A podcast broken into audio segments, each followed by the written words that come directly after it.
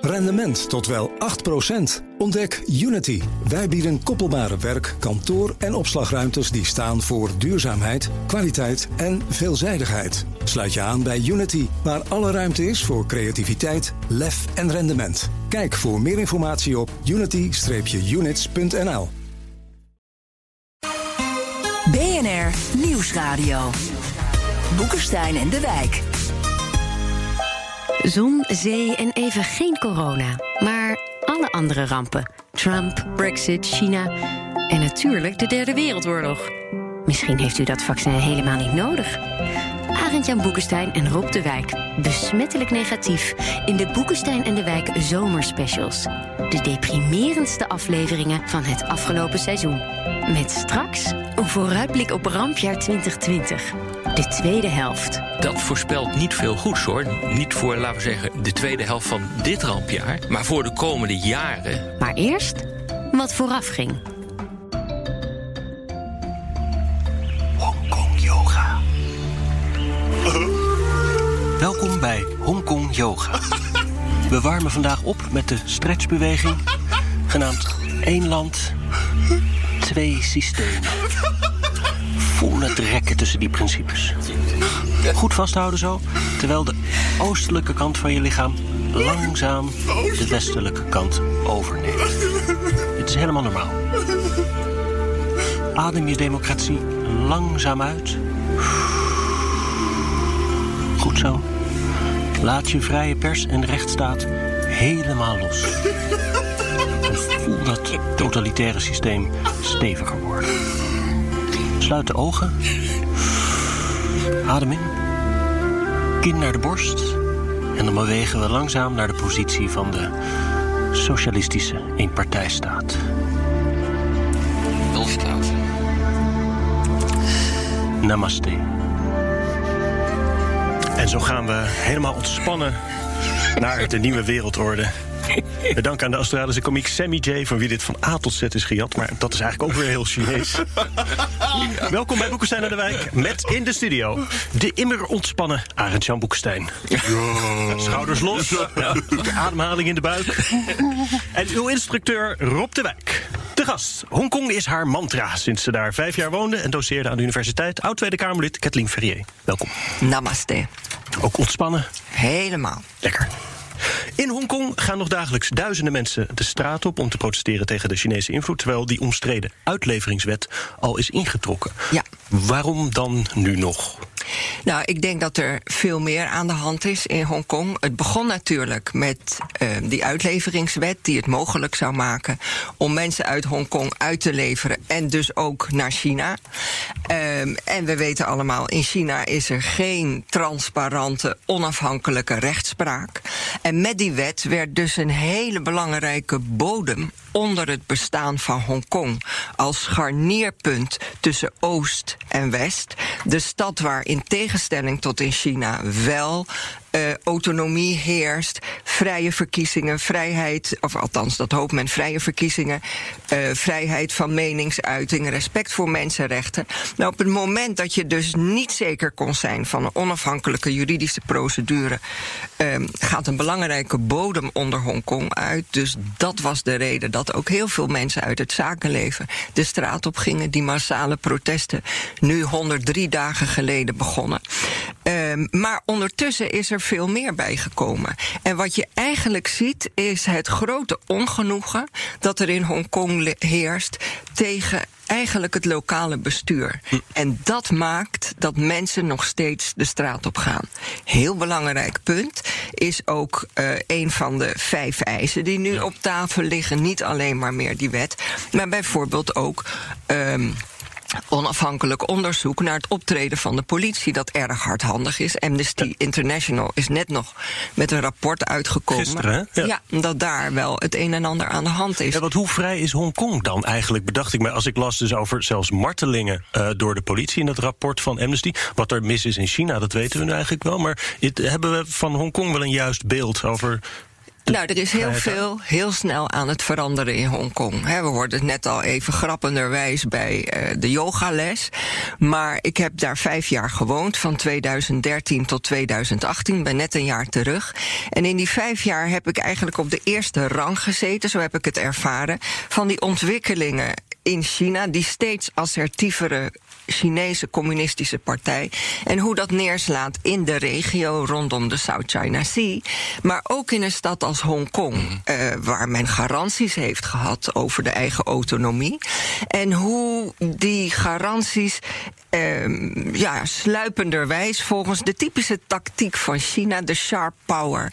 Um, die ijzeren hand in een fluwelen handschoen steeds meer die stad in haar grip krijgt. Nou, we hebben gezien hoe verkopers van uh, China onvriendelijke literatuur opgepakt en verdwenen zijn, terugkwamen naar Hongkong met warrige verhalen over hoe geweldig het moederland is. We hebben gezien dat democratisch gekozen politici hun zetel in het uh, parlement ontzegd werd, politieke partijen verboden, onafhankelijke journalist van de Financial Times het land uitgezet. Um, dus op die manier zie je dat die grip van China steeds groter wordt. Wat ik zelf heel interessant vind, het begon natuurlijk eigenlijk al begin deze eeuw toen in um, Hongkong iedereen verplicht werd om Mandarijn te leren. Um, en dat is natuurlijk al iets waarmee je aan het hart van Hongkong komt. In het zuiden van China spreekt men Kantonees. Nu werd Mandarijn verplicht. Er is wetgeving aangenomen waardoor iedere dag in Hongkong 150 mainland Chinezen zich mogen vestigen. Wij hebben in die dynamische stad gezien hoe binnen no time een, de, de langste zeebrug ter wereld uit de grond is gestampt. Van Hongkong naar Zhuhai, eh, nabij Macau op het vasteland. Uh, er is een directe treinverbinding. One of the, uh, een van de speedrails vertrekt vanuit Hongkong. En de, de hele afhandeling daarvan gebeurt door Chinezen. Al deze verbindingen maken dat er steeds meer mainland Chinese invloed. Maar we mogen ook niet vergeten dat die, uh, dat die status van Hongkong ook een tijdelijke is. He, want er is afgesproken 50 jaar. 50 jaar, ja. Dus, 2047. ja. Ja, ja 97 ja. werd het land, of werd de stad onafhankelijk. Nou, het werd niet onafhankelijk. Nou ja, goed, werd teruggegeven na 150 jaar British rule werd het teruggegeven. Het werd onafhankelijk van Engeland, om dat zou ik achter zeggen. Van het koloniale Het is inderdaad uh, geïncorporeerd uh, in China, maar toen is dus het één land, twee systemen ja. Um, idee ontstaan. en dat is op zich natuurlijk wel aardig, maar daar komt gewoon over een aantal jaar een eind aan. En ik heb ook het gevoel dat men toch probeert om dat proces te vertragen of een andere kant op te buigen. Ja, en voor China is het natuurlijk existentieel. Hè? Ik bedoel, stel je voor dat. Uh, Hongkong ze laten glippen en dat het gewoon uh, ja. vrij blijft, dan zouden de Chinese burgers op het vasteland wel eens ook wel eens de wens kunnen uiten van dat zouden Natuurlijk. wij eigenlijk ook wel willen. Als het daar kan, dan kan het. Uh, nou, China is voortdurend bezig ook Hongkong te laten zien. Kijk, je bent eigenlijk maar een vrij kleine Chinese stad die niet te veel pretenties moet hebben. Uh, maar daar staat tegenover dat mensen in Hongkong zeggen van ja, wij hebben de garantie dat wij 50 jaar mm -hmm. bepaalde autonomie ja. mogen hebben. Kijk, Chris Patten, die natuurlijk de Britse vertegenwoordiger was, de gouverneur, ja. op het moment in 1997 dat. Um, de stad werd teruggegeven aan, uh, aan China. Die zegt nu ook, ja, met de kennis van nu had ik toen veel meer moeten uitdiepen wat dan precies die democratische waarden zijn. Want ik ben het met jou eens, Rob, dit gaat echt geen 50 jaar duren. Nee, dat denk je niet. Dat maar het is dus eigenlijk wel een beetje volgens de afspraak. Het loopt een beetje vloeiend over in de nieuwe situatie. Nee, maar kijk, als je dus gewoon kijkt, hè, de, de, de, nieuwe assertiviteit van China, dat is absoluut een feit. Naarmate het land krachtiger is geworden, zie je dat het land ja, eigenlijk veel meer speelruimte uh, vraagt en ook neemt in die internationale betrekkingen. En dat betekent eigenlijk dat het idee begint te ontstaan dat zeg maar voor de honderdste verjaardag van de Volksrepubliek in 2049 de Zuid-Chinese Zee onderdeel moet zijn van China. Uh, Taiwan er weer bij moet uh, komen. De Senkaku-eilanden die betwist worden met, uh, met, Jap met Japan. En dan Macau en, Ho en, en Hongkong. Dus dan heb je zo tegen die tijd een totaal verenigd moederland of vaderland, hoe je het eh, zou willen noemen. En dat is toch denk ik wel een belangrijk doel wat hier, uh, hier achter zit. En, Dus- en hoe moet het voor de 70ste verjaardag zijn? Want die is volgens mij volgende week ongeveer. 1 oktober, 1 oktober eh, is natuurlijk ook een heel belangrijk moment waarop eh, Xi Jinping, de president, gaat laten zien dat hij on track is om in 2049 Ja. China terug te brengen naar de rechtmatige plek Ja. die China in het hart van iedere Chinees heeft, namelijk in het midden van de wereld. Ja. Eh, in het Chinees eh, zeggen we eh Tianxia. Alles wat onder de hemel is, behoort aan China. Ja. En ja. de leider is Tianzi, de zoon van de hemel. Dus dat is eigenlijk wat wij, wij noemen, hebben het dan over de keizer, de nieuwe keizer. Maar keizer is nog een veel te simpel begrip voor datgene waar echt Xi Jinping Maar het staat. aardige natuurlijk, hij heeft het ook totaal die marsroute uitgespeld Ja. in oktober 2017 17. tijdens het 19e partijcongres. Ja. Eh, toen heeft hij gezegd in 2035, het is ook wel heel knap wat daar gebeurt hoor. eh, dan wil ik de belangrijkste techmacht van de wereld zijn. En in 2049 wil ik precies dat zijn wat we zouden moeten zijn, namelijk nummer één in de wereld. Dan moet iedereen ondergeschikt eh En het daar sterkste leger van de wereld. Ja. nou ja, ze gaan al aardig in die richting op dit ogenblik. En wat je dus nu ziet, is dat China eh, manmoedige pogingen ontdoen, om, eh, doet om zijn militaire footprint uit eh, te breiden. Dat, dat begint aardig te lukken, moet ik zeggen. Dus overal zie je op de wereld kleine bases ontstaan die van China zijn. Het is allemaal heel slim bedacht. En ehm, wat, wat, wat, wat ik probeer te benadrukken is, we hebben het over China. Het is ook vooral de Chinese communistische partij. Hè, 90 Ja, miljoen zeker. leden, maar China is veel groter. Ja. 1,4 miljard inwoners. Ehm, en uiteindelijk, weet je, ehm, wat, wat, wat ik vooral bepleit, China is zoveel meer dan alleen die communistische partij. En of we het nou leuk vinden of niet, we moeten onze eigen agenda bepalen van hoe wij met deze steeds assertievere partij. Dus Hongkong is gewoon een lakmoestest. Daar komt het feitelijk ja. op neer. Laten we daar zo nog even verder Ja. dit, dit uitdiepen. Maar ik wil nog heel eventjes naar de situatie nu op straat. Hoe lang accepteert China voortgang van dit soort protesten? Het leger staat om de hoek klaar. Eh, ja, ik denk zelf niet dat eh, China met tanks gaat binnenrollen. Eh, dat zullen ze niet doen. Dat levert enorme internationale reputatieschade op. En daarmee zouden ze de kip met de gouden eieren, wat Hongkong natuurlijk toch nog is, zouden ze kwijtraken. En bovendien, China heeft zoveel andere manieren om druk uit te oefenen. Wat mijn studenten, ik sta in dagelijks contact met mijn studenten, collega's, vrienden, noemen white terror, witte terreur. Dus het oppakken van mensen, het eh, druk uitoefenen door inderdaad eh, hardhandig optreden eh, van de politie, maar ook gewoon door het bedrijfsleven onder exact. druk te Cathay zetten. Pacific is een We- prachtig voorbeeld. Ja. Hè? Daar zijn ontslagen gevallen. Alleen maar omdat medewerkers op, Ja. op, hun, op de sociale media zich voor de opstandelingen hebben. Ja, en in 2014 heeft het wel gewerkt. Nieuwsradio. Boekenstein en de Wijk. Op zoek naar de nieuwe wereldorde. Dit is Boekenstein naar de Wijk. Arend-Jan Boekenstein en Rob de Wijk brengen u de zonnegroet. Mijn naam is Hugo Reitsma en de gast, oud-Tweede Kamerlid en China-kenner Kathleen Ferrier. En we waren net begonnen bij eh Cathay Pacific. Ik geloof dat Ja. de KPMG en Deloitte zijn ook al Ja, onder druk gezet. hè? natuurlijk. Die Iedereen- economische Ja. eh, machtssysteem Ja, zie je daar Mijn- duidelijk aan ja, het werk. In 2014, eh, toen eh, de paraplubeweging gedurende 79 dagen het financiële hart van Hongkong bezet hield. Studenten waren bij de dat verkiezingen, vooral. Ja. ja. ja. Ehm, dat is ook een heel verhaal op zich, maar daar zullen we nu niet op ingaan. Heeft het heel goed gewerkt. Toen, eh, het bedrijfsleven is toen uitgenodigd door Beijing om te komen praten. En men heeft gezegd van hier moet gewoon een eind aan komen. En we willen niet dat hier door jullie aan wordt meegewerkt. Toen was het ook heel gauw klaar. Nou, we zien nu dat de CEO van Cathay Pacific eh, ontslagen is. Eh, 27.000 werknemers zijn onder druk gezet. Dus dat zijn allerlei manieren waarop China druk uit kan oefenen. En je moet ook zeggen, ja, China zit in de haarvaten ook van de Ja, Hongkongse dat gebeurt op samenleving. een hele geraffineerde eh, manier. Want Ja. het is ook zeer opmerkelijk dat er bijvoorbeeld hier heel weinig steunbetuigingen zijn. Ik bijvoorbeeld in Nederland. In Nederland, ja. eh, Van de eh, Chinese diaspora of studenten. Ten aanzien van wat er in Hongkong gebeurt. Dat is echt heel opmerkelijk. En nog afgezien... En we weten ook trouwens ook wel zo langzamerhand hoe dat, hoe dat werkt. Hè. Bijvoorbeeld, je hebt een, een, mondiale organisatie.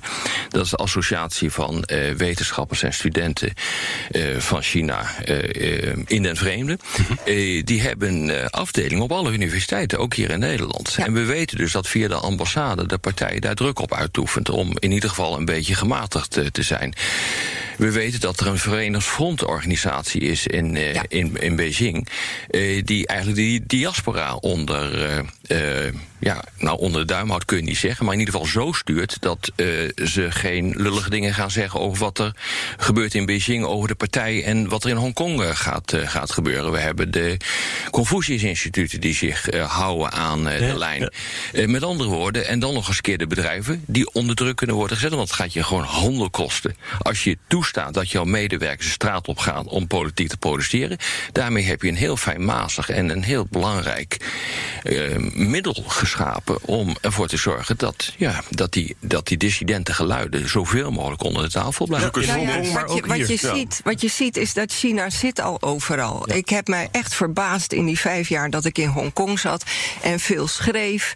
ik ben gastcolumnist van de Volkskrant geweest en altijd maar zijn mensen hou eens op met altijd maar met je rug naar Azië te staan en naar het westen te kijken. Wend die blik eens even naar Azië. Kijk wat hier gebeurt. Um, en uh, zorg ervoor dat je voorbereid bent in de zin om een eigen agenda te hebben. Hoe je het ook wendt of keert. China is het land met de meeste inwoners, de oudste beschaving en spoedig de grootste economie. China is het land met de beste universiteit ter wereld. Het land waar de meeste uh, uh, topwetenschappelijke artikelen vandaan komen. En China zit ook hier in Europa overal. Wij noemen het sharp power. Ja. Heel anders dan Rusland bijvoorbeeld. Dat zich bedient van postkoude uh, oorlog, hm. tactieken, heel openlijk en dat duidelijk. Is gewoon niks. China zit overal. Zit, he, Rob noemde de, de, de, de diaspora, de wetenschappelijke instituten, maar ook economisch, uh, in de media. Overal zit China hier in Europa. Men hm. heeft de illusie dat je uh, iets kan tegenhouden. Forget it. En wat ik belangrijk vind, en daarom zeg ik ook mensen, kijk naar wat er in Hongkong gebeurt. Het is de voorfront ja. van hoe een steeds assertievere ja. communistische partij omgaat met, zeg en, en maar, die nieuwe zijderoutes, democratische die, die Belt, dat Belt and Road initiatief is echt een geweldig instrument om dit te gaan uitrollen. Ja. Dus daarmee creëer je eigenlijk economische afhankelijkheden eh, tussen China en landen die langs die zijderoute liggen. En dat is een fantastisch middel ook om dat uh, te doen. China heeft eigenlijk een briljante buitenlandse politiek als je erover nadenkt. Hè? Mm. Onze zwakke plek is natuurlijk dat wij altijd geld willen verdienen. nou, Hongkong is ongelooflijk belangrijk, dus ze doen het nu via de bedrijven. Tuurlijk. De tweede, militair doen ze het ook hartstikke slim. Hè? Amerika heeft natuurlijk een waanzinnig uh, veel geld geven uit aan, uh, aan een grote krijgsmacht. Maar één vliegdekschip kost een miljard, hè? dat is ja. ontzettend duur. Nou, ze hebben gewoon raketten. En de Amerikaanse generaals geven ook toe dat die raketten eigenlijk het onmogelijk maken voor de Amerikanen om militair nog veel daaruit te halen. Hè. Met andere woorden, die economische druk, uh, militaire druk, dat creëert een situatie waarbij ze zonder oorlog waarschijnlijk gewoon. Tuurlijk. Zij gaan dit winnen, denk ik. Ja, en daarom zeg ik steeds. Ja, de vraag mensen, is natuurlijk wat is winnen, hè? Wacht, uh, voordat we daar. Nee, dat, dat, dat is precies is, waar ik winnen? op wil ja. komen. Het is niet een kwestie van twee tegenover elkaar. Nee. Wat wij, uh, zeg maar, in, uh, vanuit de democratische landen, vanuit de democratische wereld moeten is een eigen agenda te hebben. Van hoe gaan we hiermee om? Uh, welke waarden zijn voor ons hier in democratische landen van belang. Hoe willen we die beschermen? En ik bepleit heel erg dat we uh, in gesprek gaan daarover. Maar bijvoorbeeld de mondiale instituties, neem de Wereldbank en het IMF. He, uh, op tourbeurt een Europeaan of een Noord-Amerikaan. Het is toch niet meer van deze tijd nee. dat China daar geen positie heeft. Nee, maar je moet ook op een heel andere manier gaan nadenken over hoe je wel druk op China kan, uh, kan uitoefenen. Vooral het gesprek voeren, zou ja, ik willen zeggen. Gesprek, nee, maar een gesprek op zich heeft geen zin. Uh, je moet ook drukmiddelen hebben. Ja. En die hebben we nauwelijks meer in Europa, want we hebben geen grondstoffen meer. Het enige wat we nog hebben, interessant genoeg, is wat technologie. Dus bedrijven als ASML, uh, die chipsmachines maken of chipsfabrikanten, dat hebben we nog wel. Daar is China van afhankelijk. Dus je moet er Voor zorgen dat je die technologie nooit kwijtraakt. Maar bijvoorbeeld een hele interessante is landbouw. We zitten hier in uh, Europa te praten uh, over het braak laten liggen van landbouwgronden. We weten tegelijkertijd dat China een gigantisch probleem heeft. Het is 20% van de wereldbevolking en 9% van de landbouwgronden. En die slinken ook nog een keer door, uh, door verwoestijning en door vervuiling. Daar moet je gewoon iets mee kunnen doen. Wij moeten op het gebied van voedselvoorziening moeten wij proberen een afhankelijkheid van China van ons te creëren. Daarmee kan je ook politieke druk uitoefenen. Dat spel, dat spelen we absoluut niet. En dat begrijpen we ook niet meer hoe we dat moeten doen. En dat heeft te maken met het feit dat wij hier in dit deel van de wereld altijd de machtigste zijn geweest. En nooit met zo'n spelen te maken hebben gehad. Ja, dat is precies de grote uitdaging. Men denkt hier met de eeuwige eurocentrische bril op dat wij de mondiale maat zijn. En dat zijn we echt niet meer. Nee. Ik ben met je eens. Je moet nadenken op. Hè, ik vind punt 1, je moet het gesprek aangaan ook over waarde. En nogmaals, China is meer dan Ja, de communistische... en macht zijn Precies. twee zijden Ja, van dezelfde medaille. Ben ik met je eens. Je moet wisselgeld hebben. Eh, eh, Dat vind ik interessant. Weet je, mensen zeggen, zeggen heel vaak van eh, democratie, dat is iets westers, dat is niet universeel en dat, je moet er helemaal niet over praten. Wat zien we nou? We zien in Hongkong dat de mensen wel degelijk mensenrechten belangrijk vinden, onafhankelijk rechten belangrijk vinden. In Rusland zien we hetzelfde overigens. Hè. Waarom mag Oekraïne geen succesvolle democratie worden? Dat is een directe bedreiging voor Poetin. Met andere woorden, behalve dus dat je handelspolitiek een wapen moet ontwikkelen, moet je toch ook serieus gaan denken. China is dood en doodsbang voor die demonstranten. Want die zijn namelijk wel degelijk willen je, je, je slaat de spijker op zijn kop. Als die lui ergens bang voor zijn, zowel in het Kremlin als in dat stukje van de verboden stad waar eh, de Chinese leiders zitten. Dan is het wel eh, dat de boel uit elkaar klapt en dat er processen op gaan komen die ze niet kunnen controleren. En eh, als je dat slim doet. En daar eh, wordt natuurlijk wel over nagedacht hoe je dat moet doen. Ja, dat is echt een grote uitdaging hoor. En daarom is het ook eh, te hopen dat eh, hè, die waarden waar wij voor staan, en die niet alleen door ons, maar ook in Hongkong en op zoveel Zeker. plekken in de wereld waar mensen voor opkomen, dat wij daar een plan voor hebben, een agenda voor hebben van hoe gaan wij die waarden beschermen.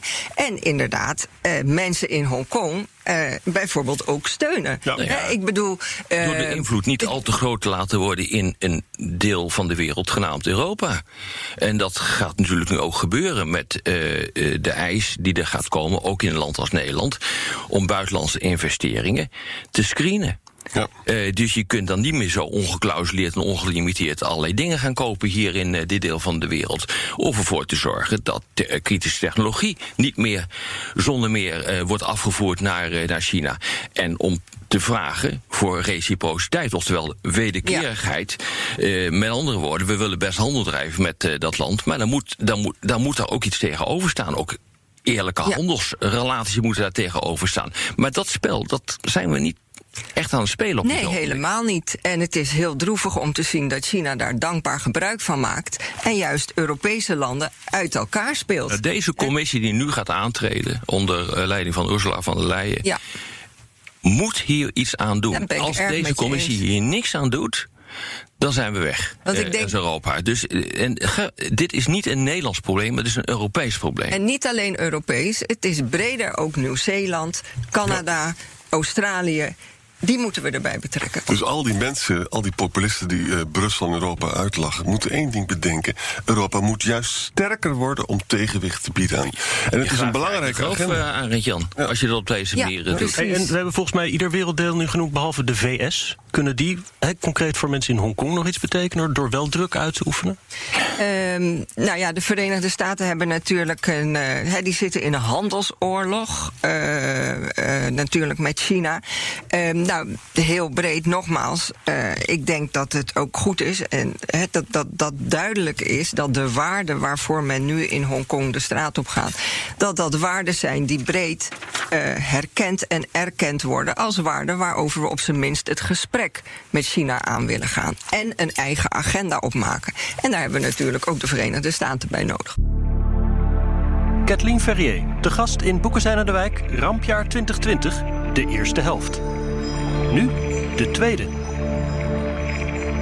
Nou ja, als je dus kijkt wat er sinds die uitzending uh, gebeurd is, uh, Arend Jan, dan moet je toch constateren dat de situatie nog slechter is uh, geworden. Want inmiddels hebben we die veiligheidswet die is aangenomen. En die heeft een gigantische impact. Mensen kunnen nu, als ze demonstreren uh, voor, uh, laten we zeggen, separatisme. Dan kunnen ze levenslang de gevangenis in uh, worden gegooid. wat je nu ziet is dat bedrijven onder druk wordt gezet... om hun mensen gewoon binnen te houden. Om ervoor te zorgen dat ze niet meedemonstreren. Dus eigenlijk, sinds dat programma is, is gemaakt... moet je zeggen dat de, de repressie enorm is opgeschroefd. Ja, het lijkt heel sterk op dat China ziet de COVID-crisis ook als een kans hè, om gewoon. Uh, uh, meer dingen naar zich toe te trekken. Hè. Mm. De Zuid-Chinese Zee heb je wel eens eerder uitgelegd. Daar gebeuren allemaal activiteiten stiekem. En de Amerikanen doen, zijn natuurlijk afgeleid door die vreselijke crisis. Wat er ook doorheen speelt, is dat. Um, Kijk, natuurlijk, de China heeft enorme fouten gemaakt eh, vorig jaar november met de COVID-crisis. Maar nu doen ze het heel goed. En als je dan kijkt naar Amerika. Wat bedoel je met heel goed? Nou ja, als je kijkt dus naar de manier hoe ze COVID bestrijden. Hè, en dat ze dus in staat zijn om in een paar dagen tijd in Wuhan al die mensen mm. weer te testen. Hè, en als je dat dan vergelijkt met Amerika dan, dan zie je dus voor het oog van de wereld dat de grote Amerikaanse macht faalt met de COVID. Nou, dat is natuurlijk ook wat de Chinese regering formeel wil uitdragen. Van wij doen dit geweldig. En moet je eens kijken, we zijn nu de leider van de wereld. Eh, we leiden ook eh, de strijd tegen COVID. We geven hulp bijvoorbeeld aan eh, Europese landen. Maar tegelijkertijd, en dat is natuurlijk toch iets waar je heel goed moet kijken, wordt dus de repressie in Hongkong opgeschroefd. ze hebben uh, hun greep verstevigd op uh, de, uh, de Zuid-Chinese Zee. Niet onbelangrijk is dat er schermutselingen geweest met, zijn met India. Een grensconflict ja. wordt uit, uitgevochten. de repressie intern China wordt ook verder opgeschroefd. Nou ja, dat doen ze op zich wel handig, omdat dit een uh, periode is natuurlijk waarin uh, het Westen, Amerika, eigenlijk gewoon op een, op een gat liggen. En niet zo gek veel kunnen doen. Hè. Ze kunnen protesteren, maar daar blijft het ook wel bij. De Amerikanen hebben dan wel twee uh, schepen de Zuid-Chinese Zee in, in, laten varen. om duidelijk te maken dat ze het niet eens waren met, het, met de twee districten die zijn ingericht.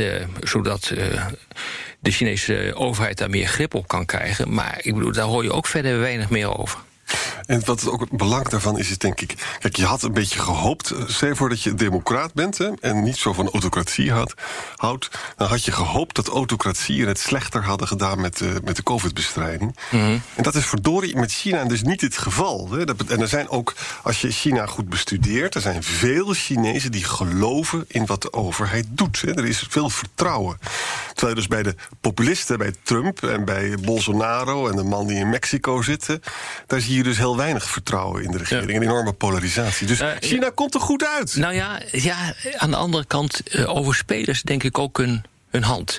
Ja, als je dus kijkt eh, naar de inhoud van die veiligheidswet, die uh, is afgekondigd, uh, ja, dan moet je constateren dat die wet ook van toepassing kan worden verklaard op iedereen die niet in Hongkong woont en buiten China woont uh, en die demonstreert uh, voor, uh, laten we zeggen, separatisme, afscheiding van Hongkong van, van China.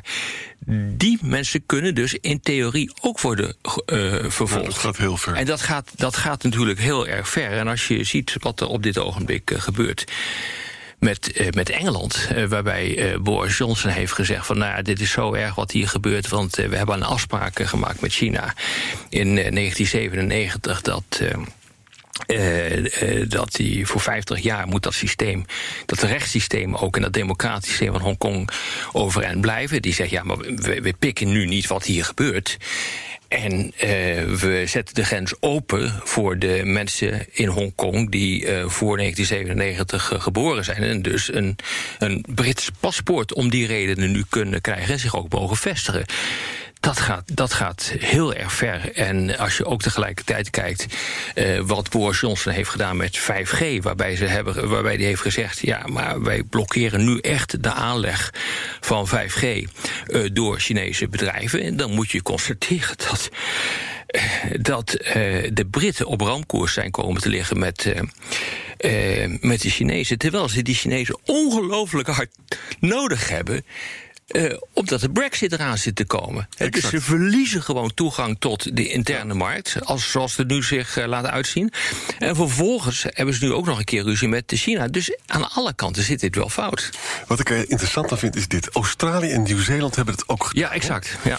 En, en uh, ik, ik, lees steeds dat de bedrijven, het soort bedrijven dat in Hongkong zit, zijn, is ook voor China heel belangrijk. Hè? Dat zijn, die hebben een bepaalde kwaliteit van dienstverlening, ook met, met dus een hub, het is een financiële wereld die China zelf ook nodig heeft. Mm -hmm. Nou, je zou nu scenario's kunnen maken, ik weet er veel te weinig van hoor, maar stel je nou eens voor dat Hongkong inderdaad voor een deel leegloopt met vluchtelingen. Ja. Dan schaadt China zich daar zelf ook mee. Of kan China het dan gewoon helemaal overnemen? En hebben ze toch de expertise om die bedrijven. Ik weet dat dus niet. Het is lastig hoor, want uh, bedrijven die zeggen nu al: we willen hier niet aan meewerken. Grote Amerikaanse techfirma's uh, die hebben gezegd: van dit willen we niet. Facebook heeft dat gedaan. Het, Trump die overweegt nu om TikTok te verbannen. Nou ja, dat gaat dus wel heel erg ver. Dus, dus westerse bedrijven die beginnen zich nu achter de oren te krabben: van willen we dat willen we dit wel? En gaan we hier aan meewerken? En als we dit doen, gaat het ons niet mensen, uh, geen, geen klanten kosten in bijvoorbeeld Amerika of de Europese Unie. Uh, en ze hebben toch al grote moeite om markttoegang te krijgen tot, China. Dus, het, het, zou best kunnen zijn, maar we moeten maar eens even nu over de toekomst gaan praten. dat er dus een dat, dat wat China nu aan het doen is, dat dat op, op zich gaat terugslaan omdat uh, westerse bedrijven, al dan niet gedwongen door westerse overheden of de Europese Unie, zeggen van ja, maar hier willen we niet aan mee gaan werken, laten we ons maar terug gaan trekken. Uh, wat, wat, ja, wat denk jij ervan? Het is ontzettend moeilijk om te voorspellen, maar laat ik iets proberen en dan, dan kunnen de mensen me later uitlachen. Stel je voor dat Trump niet herkozen wordt. Dan staat er gewoon eens voor dat het niet gebeurt. Maar je hebt Biden. Hè? Dan heb je dus een minder spanning. Ik denk dat Biden er alles aan zal doen om met China op een andere manier. Nou ja, de Democraten zijn eigenlijk ook heel agressief. Maar goed, misschien dat dat iets dat je daarmee een handelsoorlog kan inperken. Laat ik het zo formuleren. Dan zou de schade die Hongkong gaat ook zijn voor China ook beperkt kunnen zijn. Maar dan nog heb je het probleem, kijk maar de dingen op nu alvast, dat dus Amerika veel meer schade heeft dan China. En, en, en, en het allergrootste probleem is dat die, die wereldhandel wordt natuurlijk ontzettend be belemmerd, ook door de COVID. Ik denk dat per saldo onder de streep China uiteindelijk toch sterker eruit komt. Dat, dat denk ik ook. En dat, dat, dat komt omdat Amerika, mede door Trump en door de waanzinnig slechte manier waarop hij die COVID-crisis heeft geleid, niet eens in termen van aantallen slachtoffers. Ik bedoel, dat is verschrikkelijk. Maar als je kijkt hoe hoog het aantal slachtoffers per miljoen inwoners is, dan is het niet extreem hoog. Dan ligt dat ongeveer op het niveau van, uh, van Nederland. Dus dat is punt niet. Nee, maar doordat hij dat hele multilateralisme, die internationale samenwerking, uh, eigenlijk bij de vuilnisbak heeft uh, gegooid, zie je dat hij geen bondgenoten meer overhoudt. En waardoor de westerse wereld als geheel verzwakt is. En ik denk dat dat het grote probleem is. En wat je nu ook ziet, en dat is natuurlijk heel, heel verklaarbaar en ook heel voorspelbaar, is dat die machtsstrijd tussen uh, Amerika en China gewoon doorgaat. En zo'n uh, zo'n Hongkong-crisis is natuurlijk de zoveelste katalysator in dat uh, proces. Maar als je nu kijkt bij Amerika wat, wat ze aan het doen zijn, bijvoorbeeld met kernwapens. He, er is, begint dus nu een kernwapenwetloop te ontstaan ja. tussen, tussen China en, en Amerika. Het schijnt zo te zijn dat Trump gebriefd is, een geheime briefing heeft hij gekregen, over de, de nieuwe moderniseringsplannen van de Chinese Nou ja, weet je, uh, dat voorspelt niet veel goeds hoor. Niet voor, laten we zeggen, de tweede helft van dit rampjaar. Maar voor de komende jaren, waarvan je mag aannemen dat die machtsstrijd ook onder Biden, als hij president wordt, gewoon ja, doorgaat. Daar heb je gelijk in. Trouwens, even over Trump zelf. Bolton schrijft in zijn boek, het is echt ongelooflijk. Hè, dat er zijn dus elke ochtend is er, is er een president's brief. Hè. Hij schijnt dus maar één op de vijf heeft, eh, woont hij bij. Ja. Nou, dat is nog nooit gebeurd. Hè. We, we hebben die pressbriefings eh, sinds eh, 46, 1946, met Truman en zo. Ik moet, je, ik moet me toch eventjes in deze, in deze podcast nog kwaad maken over Trump. Want als je nou gewoon naar de westerse wereld Gaat kijkt... China, hè. hoor. Ja, maar, wel, maar, maar, de, maar het gaat om de, om de krachtsverhoudingen. De leider van de westerse wereld, de Amerikaanse president... die gaat dus staan overal zonder mondkapje. Die is in staat geweest om het mondkapje te polariseren. En die polarisatie in die Amerikaanse samenleving... maakt alles kapot. Maakt ook de covid-bestrijding kapot. En dat heeft China gewoon beter gedaan. Terwijl het ze afschuwelijk maken- systeem en is. China, en China maakt er gewoon gebruik van. Ja, zo- dat is het verhaal.